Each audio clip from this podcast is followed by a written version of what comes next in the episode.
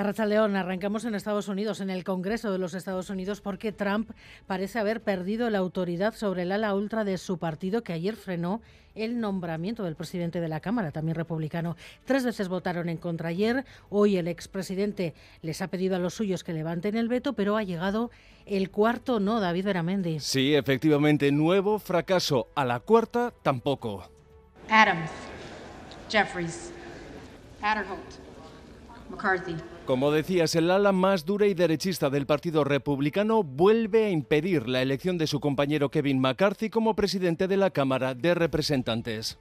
No member elect having received a majority of the whole number of votes cast, a speaker has not been elected. Y eso que, como decías, tras las tres votaciones de ayer, hoy Donald Trump ha pedido a sus seguidores cerrar filas con McCarthy, pues ni aún así, 20 de sus seguidores no le han hecho caso, han votado a un candidato alternativo. Conclusión, McCarthy no ha alcanzado los 218 votos necesarios, eh, la Cámara sigue bloqueada y habrá que seguir votando, escenario que recordemos no se vivía desde hace un siglo y que el presidente Biden ha calificado ya de vergonzoso. Habrá que ver en qué queda todo este asunto. El otro punto informativo, la sede de la UGT en Madrid. Allí sigue abierta la capilla ardiente por Nicolás Redondo y Saro Bazarra Chaldeón. A Rachaldeón, si a estas horas sigue acercándose gente, la capilla ardiente seguirá abierta una hora más, pero durante todo el día cientos de personas han pasado por esta sede para dar su último adiós a Nicolás Redondo. El secretario de UGT, Pepe Álvarez, que está haciendo las veces de anfitrión hoy, ha puesto en valor en estos micrófonos el papel trascendental que jugó Redondo en la lucha de los trabajadores. Y luego ese papel trascendental que ha tenido en la transición democrática y en la construcción eh, del sindicalismo actual. Él es el padre de la autonomía sindical y le costó muy duro poder conseguirla. Se han acercado familiares, políticos como Pepe Blanco, Ángel Gabilondo, Alfonso Alonso, sindicalistas como Unai Sordo, pero también ciudadanos de a pie, muchos con rosas rojas en mano. Nosotros somos trabajadores le hemos conocido a nivel trabajo. de como sindicalista, como todo el mundo. El presidente del Gobierno, Pedro Sánchez, también se ha acercado a esta sede esta tarde que ha sido una referencia histórica eh, para eh, la España democrática y para la España moderna que hoy disfrutamos. Muchos también han mandado mensajes de condolencias vía Twitter durante todo el día. La capilla volverá a abrir mañana hasta las 12 del mediodía. Posteriormente, el cortejo fúnebre se dirigirá al cementerio civil de la Almudena. Sindicalista, político, niño de la guerra, 30 años, trabajador de la naval, una figura relevante que hoy ha recogido un reconocimiento muy transversal en Euskadi, Irache Ruiz. Los socialistas vascos lamentan la muerte de quien consideran una figura central para el progreso de Euskadi y para la transición española. La vicelendacari Doya Mendía destaca que Nicolás Redondo fue un firme defensor del socialismo y de los derechos de los trabajadores. Hemos perdido un referente esencial para el progreso de España y de Euskadi. Un hombre que supo defender siempre con valentía sus ideas socialistas y que actuó sin complejos en defensa de los trabajadores. Como consejera de Trabajo y Empleo, quiero reconocer en la figura de Nicolás Redondo a quienes han trabajado y siguen trabajando por construir derechos sociales y hacer más digna la vida de los vascos y el resto de españoles.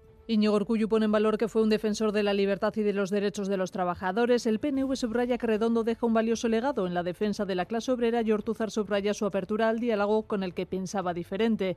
En el mismo sentido, el Carrequín Podemos considera a Redondo un histórico en la lucha de los derechos de los trabajadores y Carlos Iturgaiz valora que fue una gran persona con grandes valores. Además, en carreteras a esta hora, precaución en la A8 en Baracaldo, sentido Cantabria.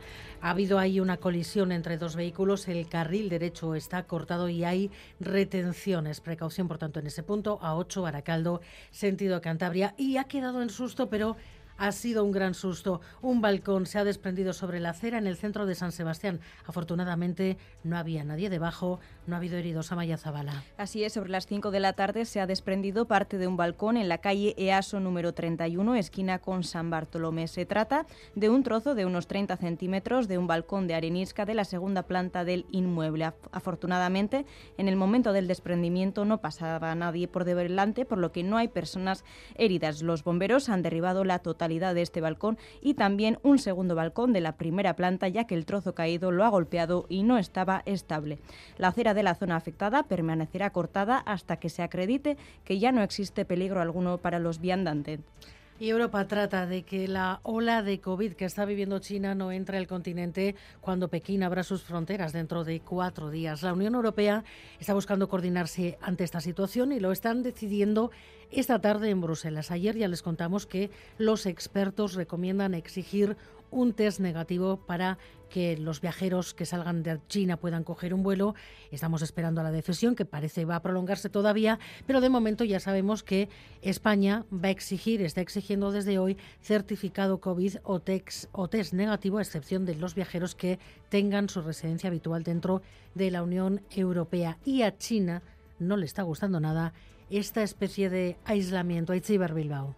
El gobierno chino ha pedido a la comunidad internacional que no se politice la pandemia. Desde la portavocía de Exteriores argumentan que desde que estalló la pandemia, China ha compartido datos e información sobre los casos de manera responsable, cooperando con la OMS. Por ello, han calificado las restricciones de desproporcionadas. Exigir test, dicen, es una pérdida de tiempo y de recursos, no se detectarán todos los positivos y además argumenta el gobierno que muchos países están completamente vacunados para evitar brotes a gran escala. En parecidos términos ha pronunciado el director del principal organismo mundial del sector aéreo, IATA, que engloba a la mayoría de las aerolíneas del mundo. Willy Walsh ha criticado las restricciones alegando que las medidas han demostrado su ineficacia para prevenir la propagación del coronavirus. Ha recordado que Omicron apareció en África, se impusieron restricciones a los viajes desde el continente africano, pero no se evitó su extensión por el mundo. Medidas que añade traerán trastornos para las y los viajeros y pérdidas económicas. El pago de los trayectos de las carreteras gestionadas por Videgui no comportará en adelante la obligatoriedad de disponer de un correo electrónico. Esa ha sido la decisión del Departamento de Infraestructuras Viarias de Guipúzcoa atendiendo la recomendación del Ararteco. Todo parte de la queja formulada por un usuario de la autovía Beasain Vergara al que no se aceptaba en el sistema porque no disponía de email. Así Rodriozola. Hasta ahora, aunque realmente no lo recogía la norma, era necesaria una dirección de email para que Videgui vinculara un vehículo a una tarjeta bancaria. Ya no será así. Un usuario presentó una queja ante el Ararteco por no poder conseguir esa vinculación al no contar con correo electrónico. El Ararteco, sensibilizado por la brecha digital que afecta especialmente a personas mayores y aludiendo al buen gobierno, recomendaba el establecimiento de otras modalidades de poder hacer efectivo el pago por uso de la carretera.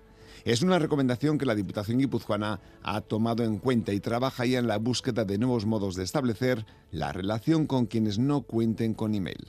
Y en el Vaticano, hace menos de una hora ha cerrado la capilla ardiente de Benedicto XVI. Unas 200.000 personas han pasado ya por allí. Mañana se oficiará el funeral y se va a oficiar rodeado de una polémica previa. Ana Irazábal, enviada especial al Vaticano, cuéntanos a Racha León. A Racha León, la muerte de Benedicto XVI no ha calmado las tensiones entre los sectores conservadores y aperturistas de la Iglesia Católica. En la víspera del funeral de Ratzinger, su secretario personal y confidente Georg Genswein ha concedido una entrevista en la que ajusta cuentas con el Papa Francisco y lo critica por haber puesto límites a las misas en latín, algo que, según el secretario, provocó un dolor en el corazón a Ratzinger. Genswein ha escrito un libro de memorias que saldrá a la venta la semana que viene en el que promete contar toda la verdad sobre el pontificado del Papa emérito. Así que la polémica acompañará al último adiós a Benedicto. La campilla ardiente ha cerrado a las 7 de la tarde. 150.000 personas han visitado la Basílica de San Pedro y ahora arranca toda la liturgia del funeral que será presidido por Francisco. Benedicto será enterrado en un triple ataúd y con monedas de su pontificado. La ceremonia comenzará a las nueve y media de la mañana. Será solemne pero sobria, según el Vaticano, porque no se trata de un funeral de Estado. Benedicto no era un papa reinante, así que no habrá reunión de cardinales o conclave. Rusia trata de tapar la petición de explicaciones por los al menos 89 soldados muertos en Ucrania en el ataque en Nochevieja, desplegando potencia militar. Putin sigue sin pronunciarse cuatro días después sobre ese ataque, pero ha dado orden de enviar al Atlántico una fragata con misiles hipersónicos. John Fernández. Exacto, pero no consigue ocultar porque sobre la mesa en Rusia sigue ese ataque de Nochevieja. No se sabe con certeza la cantidad de reservistas fallecidos. Kiev los cifra en 400, Moscú 89. Igor Konashenkov, portavoz del Ministerio Ruso de Defensa.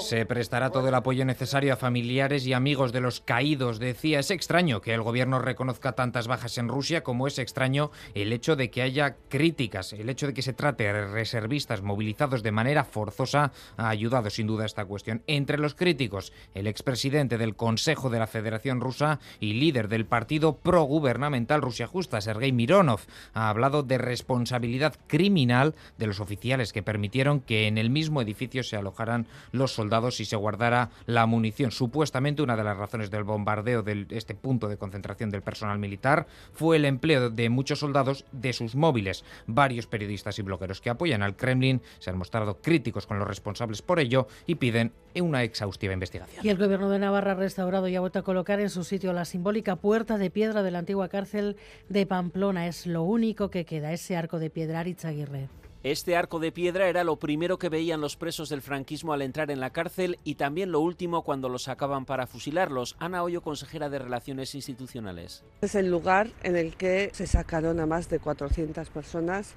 para ser asesinadas. De aquí se les sacaba en ese momento en que Pamplona era conocida como la ciudad de los cautivos, porque casi un tercio de lo que podía ser la población de Pamplona estaba detenida o presa. La vieja prisión fue demolida en tiempos del gobierno de UPN y rechazaron la petición de las asociaciones por la memoria para resignificar el lugar, que quedó en un solar abandonado usado como pipicán. Años de insistencia y de trabajo han conseguido que el gobierno de Navarra atienda la petición. Se han recuperado las piedras para volver a reconstruir la antigua puerta, emblema de la cárcel, cuyas obras culminarán esta semana. En torno a esta puerta se creará un espacio interactivo de memoria, un proyecto que explique también a los escolares todo lo que ocurrió y qué fue ese lugar. En esta cárcel a principios de siglo había algo menos de 200 celdas podcast y aquí llegaron a estar más de 2.000 personas detenidas, presas del 36 al 40. Evidentemente en unas condiciones de frío, de hambre, poco higiénicas. Un proyecto de memoria que servirá también como recuerdo y homenaje al movimiento insumiso de los años 90 que convirtió la cárcel de Iruña en el símbolo de la lucha contra el militarismo